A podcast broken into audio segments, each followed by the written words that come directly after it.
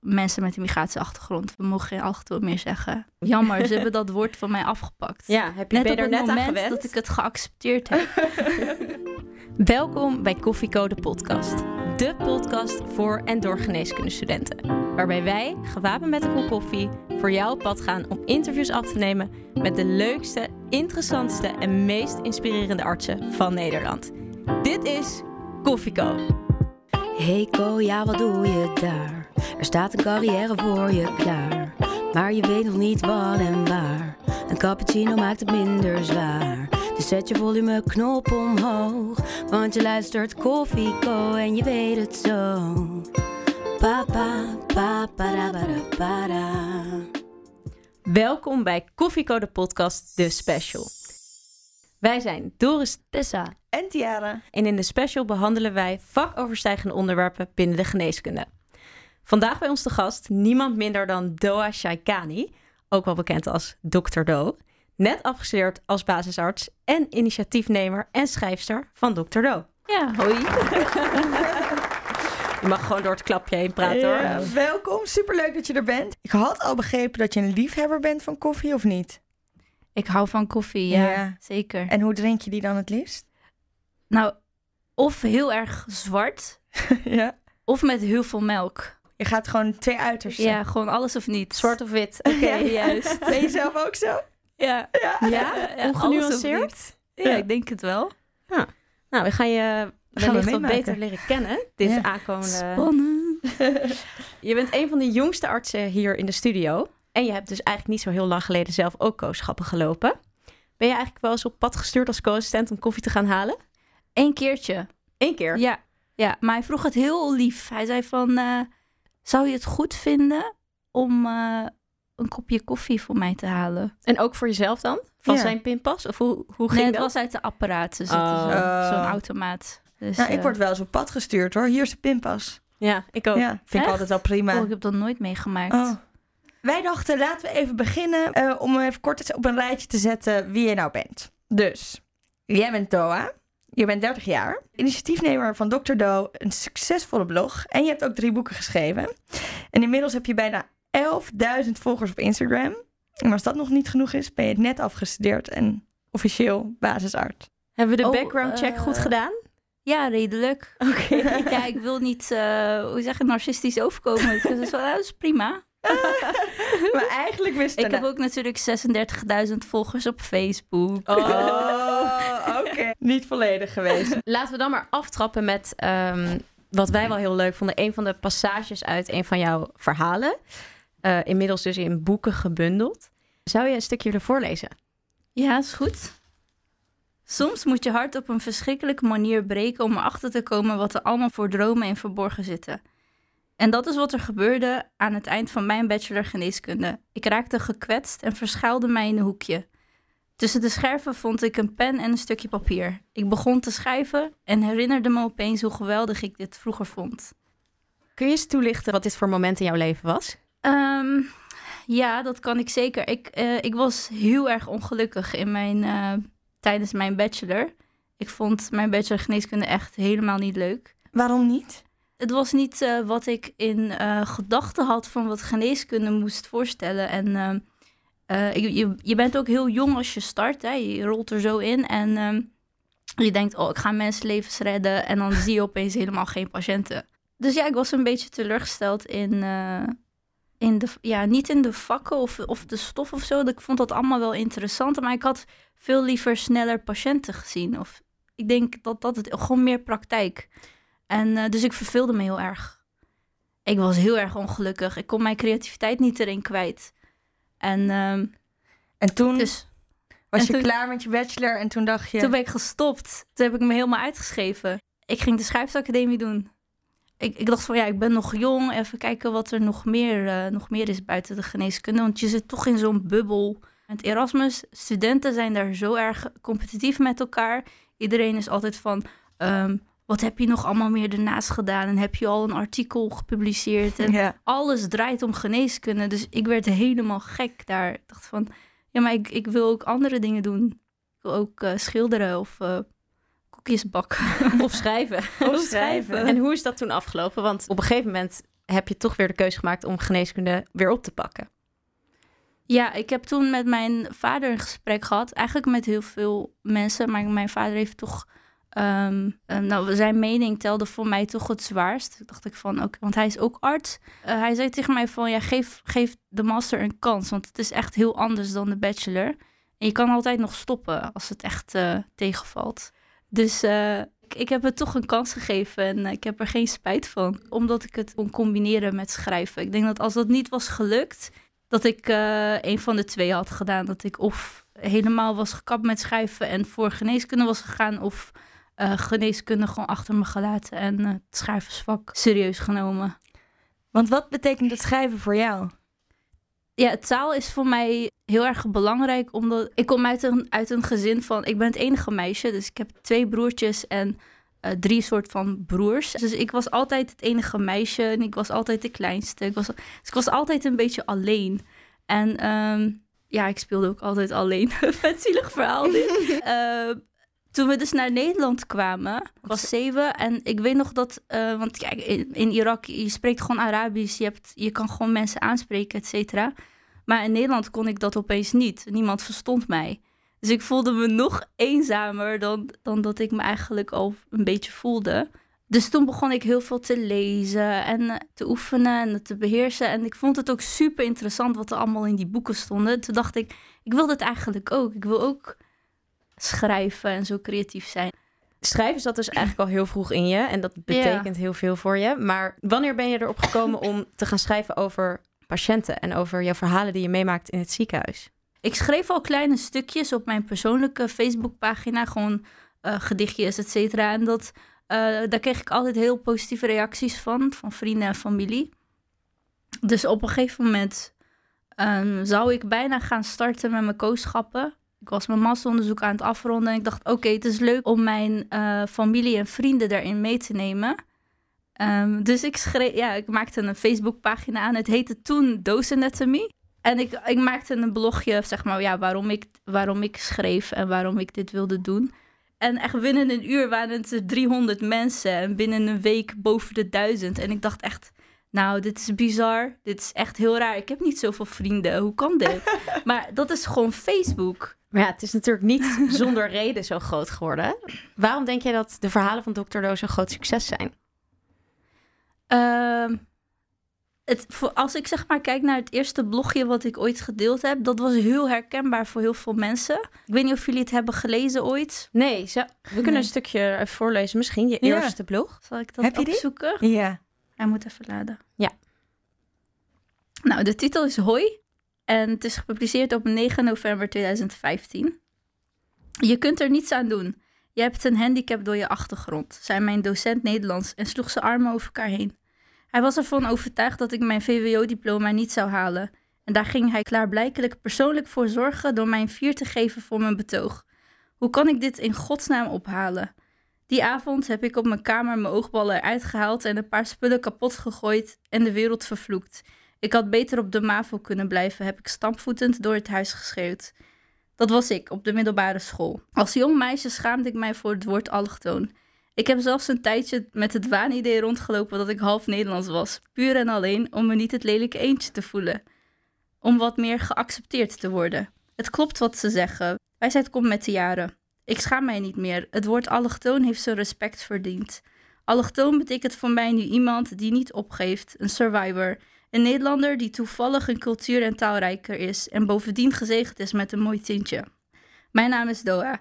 En al die slechte praatjes over allochtonen op tv en social media komen inmiddels mijn neus uit. Dus hierbij wil ik je een ongecensureerd kijkje geven in mijn leven van een voormalig vluchteling, een allochtoon, een moslima, maar vooral een trotse en dankbare Nederlander. Dit is mijn succesverhaal. Met alle imperfecties, mislikkelingen en foute keuzes die erachter schuilen. Een eerbetoon aan mijn ouders, maar vooral ook aan Nederland. Stay tuned, ik heb jullie zoveel te vertellen. Hoe is het voor jou om terug te lezen? Ik wist helemaal niet meer wat er precies in stond. Dus ik moest lachen om dat stukje van eh, dat ik me schaamde voor uh, allochtoon, dat ik soms het waanidee had van ja, ik ben half Nederlands. Heb, Ja. ik echt, heb ik echt wel eens gedaan. Dat ik tegen mensen zei van, oh ja, ja, ik ben half Nederlands. Je moedertaal is eigenlijk niet Nederlands. Ja. Heb je daar wel eens tegen aangelopen?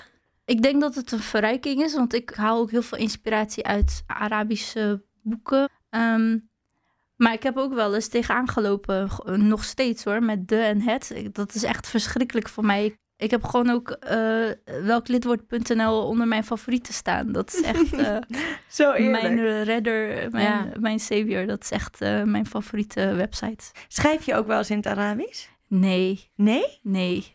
Ik kan dat niet. En tijdens je kooschappen, ik kan me voorstellen dat er wel eens een Arabisch uh, iemand in de spreekkamer voor je zit. Ja, heb ik heel veel gehad. Twee jaar terug ongeveer was ik een cursus gestart, medisch Arabisch. Samen met een uh, medisch student uit Leiden. Um, je leert thuis gewoon de basis Arabisch, zeg maar. Ja, waar, waar, is, uh, waar is de mayonaise of zo? Maar niet uh, wat, wat lever of zo dat Arabisch is. Of heb je last van geelzucht ja. of zo? Geen idee, weet je? Hoe zeg je dat in het Arabisch? Dus daar liep ik heel veel tegenaan. En toevallig die medisch student ook.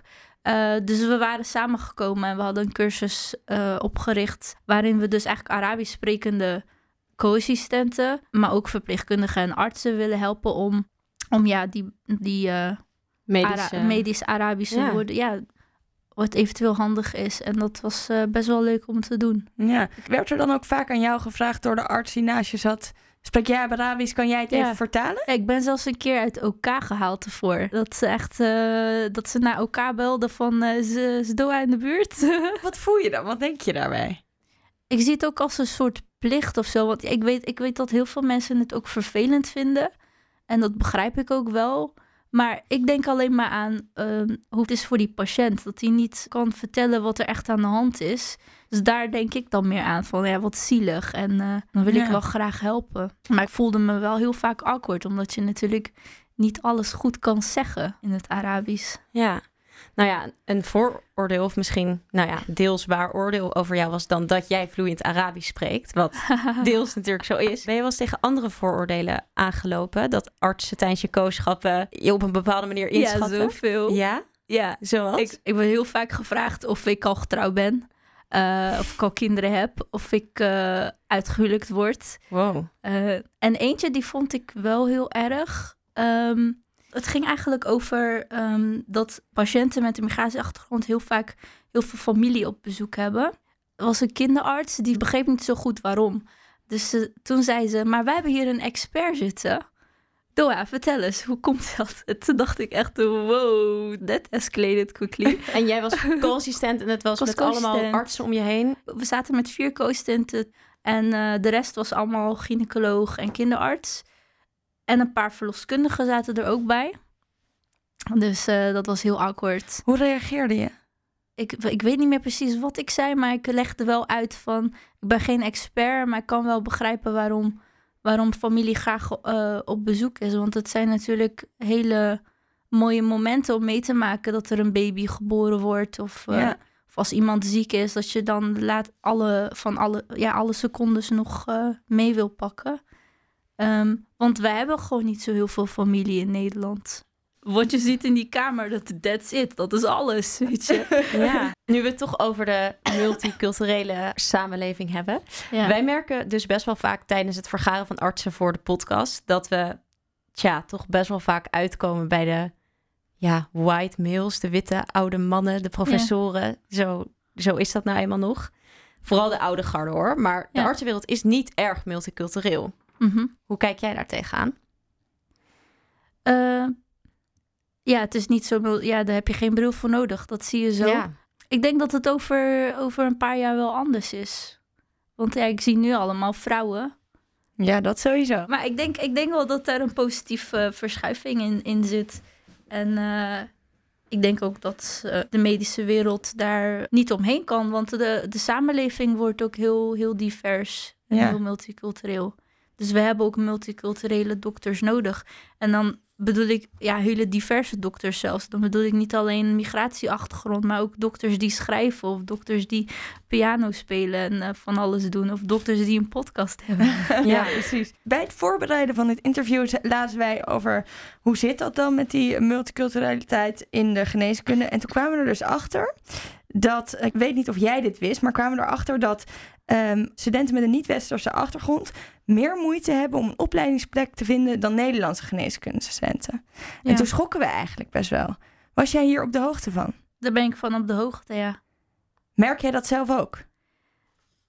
Ehm, nou, ik heb denk ik een luxe positie, omdat je een soort van bekende ehm was, eh, dokter bent straks. Dus ik weet niet zo goed of ik daar wel een goed oordeel over kan geven. Maar ik, ik weet wel van, van vrienden van mij met een migratieachtergrond dat ze daar wel veel last van hebben. Wat hoor je dan van je vrienden? Ehm, ja, ik, ik, heb, ik ken vrienden die echt al drie jaar rondlopen op dezelfde afdeling en nog steeds niet aan een opleidingsplek zijn gekomen. Maar dan denk ik, ja, ga dan ergens anders werken. Kom op, weet je. Ja. Maar heeft het iets te maken met die... Ja, het heeft wel Achtergrond? zeker. Want in Rotterdam hebben ze wel eens dat ze dan chirurgen, internisten, et cetera uitnodigen. En dan in een collegezaal. En dat studenten dan vragen kunnen stellen over hoe kom je in opleiding? Moet je een PhD doen? Eh, en een van de thema's is ook eh, geweest, eh, maakt het uit welke achtergrond je hebt? En ik weet nog dat een van, van de chirurgen, ik weet eigenlijk niet of ik dit mag zeggen, maar die zei wel van, ja, ik heb toch liever iemand tegenover mij zitten of in mijn team zitten waar ik mee kan levelen. Maar dat vond ik heel pijnlijk om Zo, te horen. Want ja. ik dacht van, ja, maar ik kan wel levelen met jou. Ja. Waarom kan jij dat niet met mij? Ik ben toch ook gewoon een Nederlander? Dat ziet zo iemand dan niet. En dan denk ik, ja, vind ik wel een beetje jammer. Want je bent toch een opleider. Je bent iemand waar ik zo erg naar opkijk. En eh, waar ik me safe bij moet voelen. En gelukkig zijn ze niet allemaal zo. Maar als Ja. je dit dan hoort van een opleider, dan, dan verbaast het me niks dat heel veel artsen met een migratieachtergrond daar issues mee hebben. Maar als ik dan kijk naar mijn vader, want dat is ook iemand met een migratieachtergrond. duh. Oh ja? Oh nee, ik was half Nederlands. Is hij ook werkzaam als arts in Nederland? ja, hij is, hij is anesthesioloog slash pijnspecialist. En hij heeft het hier in Nederland opnieuw moeten doen. En ook gewoon een opleidingsplek gekregen. En echt binnen no time. En dus ja, ik ben een beetje jaloers op hem. Dus, dus ik denk dat er meerdere factoren spelen. Dat het niet alleen eh, je migratieachtergrond is. Maar dat je wel 3-0 achter staat. Misschien 2-0. En soms sta je soms ook voor? Ehm, ja, ik denk dat het een beetje afhankelijk is waar je een opleiding wil komen. Ik denk wel dat er plekken zijn waar het wat multicultureler is. Dat opleiders eh, ook gewoon iemand willen met een migratieachtergrond, Ja. omdat patiëntpopulatie diverser is geworden. Dat lijkt me alleen maar slim om te doen. Of ze moeten zelf. Oh jee. Van mijn moeder, lieve. telefoon. De co-telefoon, nee, helaas niet je moeder. Eh, de co-telefoon is altijd een vraag ingestuurd door een van onze luisteraars. En ditmaal is het van Carlijn Havenkes. En zij vraagt: Je bent altijd heel eerlijk in je verhalen. Zijn er dingen waarover je niet schrijft en waarom niet? Ja, nou ja, ik schrijf er wel over, maar ik deel ze niet. Ehm, omdat ze dan nog te vers zijn of te pijnlijk zijn of, eh, of misschien te herleidbaar zijn. Dat kan ook. Maar meestal te pijnlijk. Dat ik denk van, ik eh, kan dit nog niet de wereld ingooien. Dit, dit gaat nog heel veel met mij doen als mensen daar hun eigen mening over hebben of wat dan ook. Omdat het zo persoonlijk is? Oh, alles is persoonlijk wat ik schrijf. Dus ja, dus alles wat binnenkomt aan reacties en zo, dat neem ik ook gewoon heel erg persoonlijk. Dus ik vind het ook heel raar als mensen zeggen van ja, trek je niet persoonlijk aan. Het is mijn social media. Ja, maar het gaat over mij. Het is mijn dagboek. Mhm. Dus tuurlijk trek ik het me persoonlijk aan. Komt het dan ook wel eens voor dat je dan misschien eh, een half jaar later dan alsnog die verhalen publiceert die je Ja, toen ja, hebt ja. opgeschreven? Ja, half jaar niet, maar meestal wel een jaar of twee jaar later. Ik heb Ah. nog heel veel dingen die ik nog niet gepubliceerd heb. Daarom die drie boeken. Maar over de negatieve reacties op social media, als er iets naars wordt gezegd, dan kan dat je wel raken. Gebeurt dat vaak? Het gebeurt niet vaak, maar wel eens. En dan zijn het hele persoonlijke dingen. Ehm, zoals, oh nu ben ik wel heel eerlijk. Bijvoorbeeld, eh, iemand had ooit een keer gepost dat ze mij heel dik vond. Dus ik oké, ja. Wat? Jeetje. Dat, ze, dat ik nooit aan een man ga komen omdat ik zo dik ben. En dat ik mezelf niet wijs moet maken dat eh, dat, dat komt omdat ik dokter, eh, dokter word. Ja, dat is echt eh, bizar. ben er eigenlijk voor stil men- van. Wat voor, wat voor comments mensen soms posten. En ehm, dat doet wel eens wat met je. En ik heb ook één keer comment gehad, maar daar ben ik wel achter gekomen wie erachter zat. Want het gebeurt altijd wel onder anonieme accounts. Van die nep-accounts. Ja, ik heb één keertje gehad dat, dat, dat eh, iemand dus had gepost van... eh, ja, wat doe je alsof je vet slim bent? Je bent echt helemaal niks. Eh, je krijgt altijd negatief feedback. Maar er was dus iemand die je blijkbaar kende. Ja, dat is iemand die ik blijkbaar kende. En ik ben ook achtergekomen wie het is. Dus ik heb haar ermee geconfronteerd. Eigenlijk haar zus. En, eh, maar ja, natuurlijk heel veel ontkennen. Nu was ik niet. Oké, zal wel. Er zitten dus niet alleen maar voordelen aan Dr. Do zijn. Wat zijn nou de reacties die je wel krijgt die echt die jouw dag kunnen maken? Ehm, mensen die zeggen dat ik een goede dokter word aan de hand van, ehm, ja, gewoon aan de hand van hoe ik ook een bepaalde situatie heb omschreven. En ik ben wel altijd heel erg eh, bezig met zelfreflectie in mijn blogs, dat ik wel echt van dingen wil leren en eh, mezelf ook echt wel kritisch durf te beoordelen. Word je een betere dokter door Dr. Do? Ik denk het wel. Ik denk dat dat mij zeker een betere dokter eh, gaat maken. Absoluut. Ik heb heel vaak dat patiënten mij dan een DM sturen. Ik noem ze geen patiënten, het zijn volgers, zijn niet mijn patiënten, maar ze zijn patiënt van een dokter. Ehm, en dan lezen ze iets wat, wat heel erg herkenbaar is, of wat ze zouden terug willen zien in hun eigen dokter. En dan heb ik daar wel eens een gesprek mee van: oh ja, maar waarom, waarom ben je dan niet tevreden over je eigen arts? Eh, En wat, wat moet er gebeuren om wel tevreden te zijn over je, over je dokter? Dus dat, eh, dat zijn wel dingen die ik dan. eh, Wauw, inside information een beetje. Ja. Bijzonder. Zijn er ook wel eens patiënten in de spreekkamer die jou herkennen? Of dokters? ja, ja, heel vaak gehad. Wat gebeurt er dan? Ik heb een keer gehad dat ik dus in mijn co-spreekkamer zat. En ik had even toevallig geen patiënt binnen. Dus ik was eh, de volgende aan het voorbereiden als een hele brave co-assistent. Mhm. Toen klopte iemand aan mijn deur. Dus ik zo, ja, binnen. En toen kwam er dus, dus er kwam er een doktersassistente binnen. En achter haar liep nog een doktersassistente. Dus, en, en die zei echt zo van... Oh mijn god, het is echt dokter Do. En die andere zo... Ja, dat zei ik toch? En toen zei ze... Oh, sorry, sorry. We willen je niet van het werk afhouden. Maar oh, je bent Ja. goed bezig. En dat vond ik zo Ah. grappig. Ja. Ja, Van, dit is echt heel raar. een soort van celebrity. Heb je ook wel volgers die jou vaker berichten sturen of je bijblijven? Zeker. Ik heb een aantal hele trouwe volgers die echt vanaf het begin mij volgen. En eh, soms merk ik dan dat iemand heel lang niet heeft gereageerd of dat ik niet, niet zoveel van, van die persoon heb gehoord. En dan ga ik ze opzoeken en dan stuur ik ze een bericht. Ja. Gaat alles nog wel goed? Maar zijn jouw volgers nou geneeskundestudenten? Of hoe weet je een beetje wie, wat voor Ik- mensen het zijn? Het is heel breed. Ik heb eh, veel medische studenten inderdaad die, die lezen en volgen. Ehm, sinds medisch contact ook heel veel specialisten. Heel veel huisartsen, co-assistenten. Ik denk dat dat mijn grootste groep is. En heel veel vrouwen met een migratieachtergrond. Die, Die het jou- gewoon leuk vinden Ja, om ja. iemand, eh, ja, iemand te zien waar ze zich mee kunnen eh, identificeren. En Nee. de artsen, want als co-assistent heb je best wel vaak momenten dat de artsen jou beoordelen. Heb je er wel eens commentaar op gehad? Of positieve of negatieve feedback? van specialisten en professoren alleen maar positief feedback gehad. En dat vind ik echt heel fijn, want daar was ik heel bang voor in het begin. Van eh, straks vinden ze het niet goed of is het allemaal niet zo heel professioneel. Maar dat eh, viel allemaal mee. Dat, het, eh, Toch aardiger dan je denkt, hè, die specialisten. ja, nee, maar, ze, ja maar, heel, maar ook vooral, ze vinden het heel herkenbaar ook wat je schrijft. Dus dat is wel grappig. Ja. Dat ze dan teruglezen en denken, oh ja, zo was ik ook als co-assistent. Wat is nou, als je één ding mocht kiezen, echt jouw Dr. Do hoogtepunt geweest? Mijn FIFA Award. Je Viva Award. Ja, mijn FIFA Ja. 400 Award. Kan je aan de luisteraar uitleggen wat voor award dat is? FIFA Award is, is ja, een initiatief van FIFA. En zij selecteren dus elk jaar 400 vrouwen uit. Of ze worden eigenlijk getipt van welke vrouwen ze moeten selecteren. En die ehm, ze dus inspirerend op welk, wat voor vlak dan ook eh, vinden.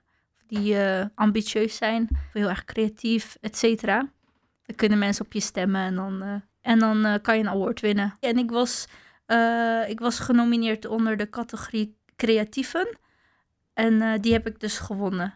Wauw, heel bijzonder. Ja, ik heb Nienke Plas verslagen. Sorry Nienke Plas als je dit hoort. Nienke Plas gaat het niet horen hoor. Nee. No worries. Ja, dat was eigenlijk dan een heel, heel groot hoogtepunt. Maar daar tegenover staat toch altijd ook wel een dieptepunt. Is er een dieptepunt geweest in jouw carrière als Dr. Do? vorig jaar was mijn dieptepunt. Heel het jaar gewoon. Heel het jaar. 2019? Ja. En kun je uitleggen waarom? Eh, ja, ik was, eh, ik, was echt, ik was echt moe. En ik had gewoon nergens meer zin in. Dus ook bloggen. Ik, als ik zeg maar kijk naar hoeveel blogs ik afgelopen jaar heb geschreven, zijn het er misschien 13 of 14. Dat zijn echt heel weinig. En eh, ik had ook wat tegenslagen. Ik had een auto-ongeluk. Ik was super ziek geworden. Echt gewoon eh, artritis en al. Heel veel aangekomen ook.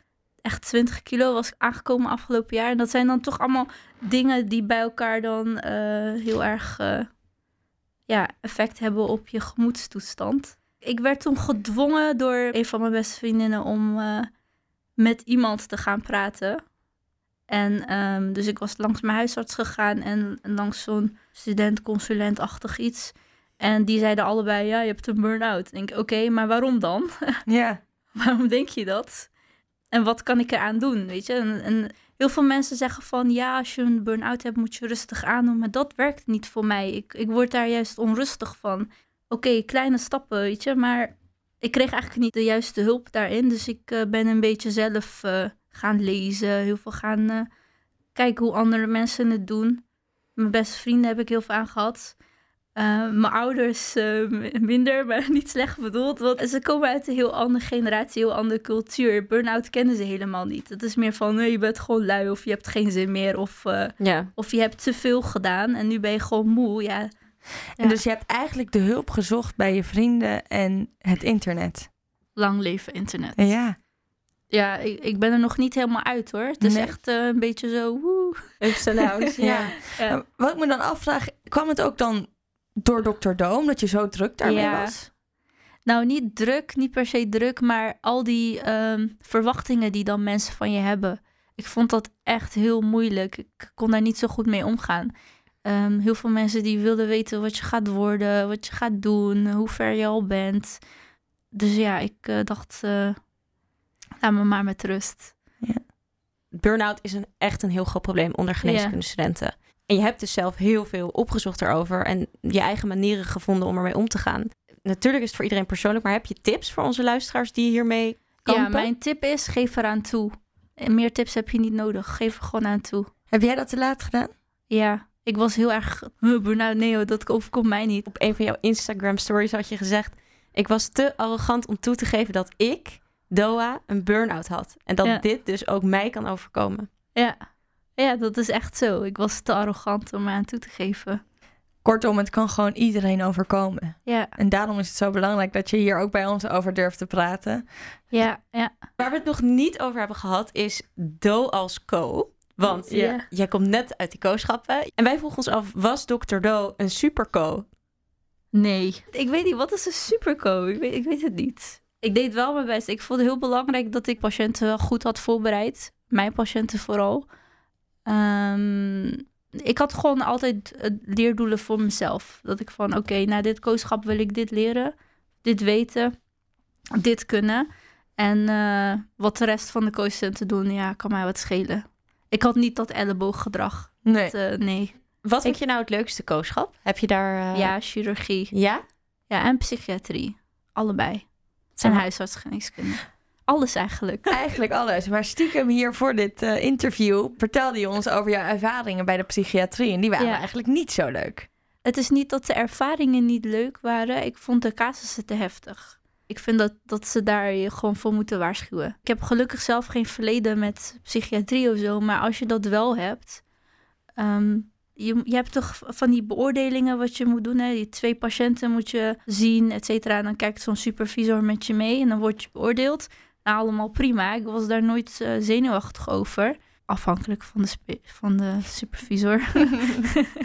maar er was één co-assistent tijdens psychiatrie die gewoon een beta-blokker had ingenomen voordat ze dus naar die patiënt was gegaan. En ik, ik schrok daarvan. Ik had echt zoiets van, huh, waarom een beta-blokker? En toen zei ze van, omdat ik het anders echt niet trek. Omdat ik zo zenuwachtig voor, ervoor ben. En ik, ik zei van, maar doe je dat dan bij al je kooschappen? Of hoe zit dat? En ze zei van, nee, vooral hier omdat ik een voorgeschiedenis heb met depressie. En ik schrok daarvan. Ik dacht, dit is best wel heftig. Dat je gewoon een beta-blokker moet innemen om een patiënt te zien. Heb je daar toen iets van gezegd? Tegen haar? Nee, tegen de, tegen de kooschapcoördinatoren of zodat iemand in de toekomst wel mensen daarop kan voorbereiden. Nee, misschien had ik dat moeten doen. Nu voel ik me heel schuldig. Oh nee, dat was niet de bedoeling. Nee, maar je maakt wel echt een terecht punt. Het is heel afhankelijk van de plek waar je zit, maar je wordt niet overal echt heel goed voorbereid of echt heel goed begeleid Ja. bij heftige casussen. Dit was vooral heel heftig voor jouw medeco, maar heb je zelf wel eens een, een casus die jou echt altijd is bijgebleven uit je kooschappen? In het algemeen? Ja. Ja. Ja, ja, Ik had een patiënte van acht met een heel zeldzame stofwisselingsziekte. Die overleden was. Heel plotseling. Tijdens Ehm, jouw koosschappen overleed ja. ze. Ja, ze, lag op mijn afdeling. Dus ik had haar opgenomen. Ik had met de ouders gesproken. En ik weet nog dat ik met de ouders samen met de cardioloog, kindercardioloog en de kinderarts nog een gesprekje met hun heb gevoerd. Een soort eigenlijk slecht nieuwsgesprek. Om de ouders te vertellen dat de patiënt eigenlijk niet in aanraking kwam voor een harttransplantatie. Omdat ze een eh, onderliggend aandoening heeft. Dus het heeft geen zin om haar een nieuw hart te geven. Ehm, of mogen ze ook niet doen. De ouders spraken geen Nederlands, dus ik moest voor ze vertalen. We moesten dus eigenlijk vertellen dat dat kindje misschien een jaar nog te leven had. Poeh. En toen was ze twee dagen later overleden. Dus dat was heel heftig. Dat eh, zag ik zelf niet aankomen. Niemand zag dat aankomen. Het was in de nacht gebeurd. Wow. Ja, Dus jij kwam in de ochtend op je kooschap. Ja, maar daarom heb ik altijd zo die angst. Vooral bij de psychiatrie had ik dat. Ik heb een kooschap gedaan in de kinder- en jeugdpsychiatrie. Ehm, elke keer als ik dan naar de overdracht liep, was ik altijd zo bang van... oh, stel dat één patiënt weer overleden is... of dat hij zelfmoord heeft gepleegd of wat dan ook. Dus ik denk dat het een beetje daar begonnen is... bij, eh, bij dat patiënten die heel plotseling overleden was. Maar ja, dat, dat is geneeskunde, dat hoort erbij. Ja, Het raakt me wel altijd. Ik vind het wel altijd lastig. dat is menselijk. Dat is menselijk, hè? Ja. Maar Ben wij je zijn geen mensen, we zijn dokters. We zijn geen mensen. Zo wordt het meestal wel gezien, ja. Wij zijn nog co-assistenten, Ja, maar wij jij Ja, maar dat zijn, eh, ook, dat zijn ook geen mensen. Nee, dat is Alles waar. in het wit is geen mens. Maar jij bent wel afgestudeerd arts. En ik vraag me dan af, wat voor arts ga jij worden? Ja, ik, ik denk dat ik uiteindelijk huisarts word. Maar het zou ook zomaar goed een anesthesist of een chirurg kunnen. Ik vind gewoon alles leuk. Het is echt, ehm, ja, lastig. Voor, voor nu heb ik gekozen voor de huisartsgeneeskunde, maar we gaan het even zien. En wat heeft Dr. Do voor de toekomst nog in petto? Qua boeken en blogs? Nou, ik, eh, ik denk niet meer dat ik nog met boeken ga komen. Misschien, misschien over een paar jaar weer dan als artsassistent. Want ik heb nu al altijd alleen over kooschappen geschreven. Omdat ik vind dat daar nog te weinig over is. Maar ik wil dus van Dr. Do wil ik een eh, online zorgplatform maken. Dat is het nu al een beetje, maar ik wil het echt verder uitbreiden. Dus dat er meer gastbloggers komen, meer ehm, verschillende disciplines in de zorg, meer patiëntverhalen ook. Dus dat, eh, daar ben ik nu mee bezig. En jijzelf, eh nou ja, dokter Doa, zeg maar. Wat zijn haar vervolgstappen? Ja, ik eh, heb gesolliciteerd voor de SCH en de chirurgie. Dus ik eh, ga daar werken. Heb je er zin in? Ik heb er zin in, ja. In de specials hebben we altijd een hele leuke rubriek, namelijk Wat als? ja. En in Wat als stellen wij diepgaande vragen om onze gasten nog beter te leren kennen. Tiara, wil jij, het, eh, wil jij me aftrappen? Ik ga hem aftrappen. Oké, ben je er klaar voor? Mhm. Wat als je aan je grote voorbeeld één vraag mocht stellen? Dat is Beyoncé. Ik zou vragen aan haar of ze met me wil trouwen. Waarschijnlijk is haar antwoord nee. Waarschijnlijk, want ze is al getrouwd. Maar goed, ik had gehoord dat jij ook de bijnaam Doyancé hebt. Ja, klopt. Waar komt die vandaan? Van mijn, eh, van mijn volgers, die kwamen ermee. Maar eh, ja, ik heb echt een obsessie met Beyoncé. Dus ik denk dat het daardoor komt. Kan je echt elk nummer meezingen? Bijna allemaal. Of zing je niet? Ja. Jawel. Jawel, hè? Ik kan wel zingen. Echt? Kunnen jullie zingen? Wie zingt Nee, altijd nee. de intro van... maar wij allemaal niet. allemaal Kan jij niet? eh, hey, Cappuccino maakt ja, het wat doe je daar? Gaat hij? Ik ken hem niet Oké, hij helemaal. gaat zo. Five minutes later. Er staat een cappuccino voor je klaar. Maar je weet nog... niet. Nou, die hadden we even in moeten studeren. Jammer. Ehm, door naar de volgende wat als. Wat als de helft van de dokters in Nederland een niet-westerse achtergrond zouden hebben? In, eh, in Nederland, oké, ja. Ik denk dat er dan sowieso in alle ziekenhuizen, die koffiecorners, overal baklava te vinden is. Dat zou, ik- dat zou ik eigenlijk niet zo heel erg vinden. Ik ook niet. Ik ook niet. Lijkt me wel Maar ik lekker. denk wel ja. dat je hele dikke dokters krijgt dan, daarvan. Heb je een favoriet gerecht? Bijvoorbeeld uit Irak, waar je vandaan komt? Of ben je nee, meer ik ben van gek de... op nee- stampot andijvie. ik ben echt gek op aardappels. Ik kan dat elke dag eten. Oké, ik denk dat we naar het einde toe gaan werken. Of nou ja, we zijn bij het einde. En wij eindigen eigenlijk altijd met een tip voor de jonge dokter. Wat is jouw tip? Mijn tip. Schrijf het, schrijf het op voor jezelf. Want het is echt, echt heel leuk. En dat zeg ik niet omdat ik eh, zelf schrijf. Maar het is echt heel leuk en waardevol om later als je eh stokoud bent... of niet stokoud bent, maar even een, een, een down momentje hebt in je carrière... om het terug te lezen en te denken, oh, waar heb ik het nou allemaal voor gedaan?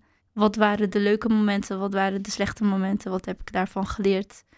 Ik denk dat dat heel leuk is voor jezelf om terug te lezen. Dus eh luister, als jullie horen, het begin met schrijven. Ik ga ook Ja. beginnen. Ik vind een originele tip. We hebben hem nog nooit eerder gehad en hij past heel goed bij jou. Dus dank je wel daarvoor.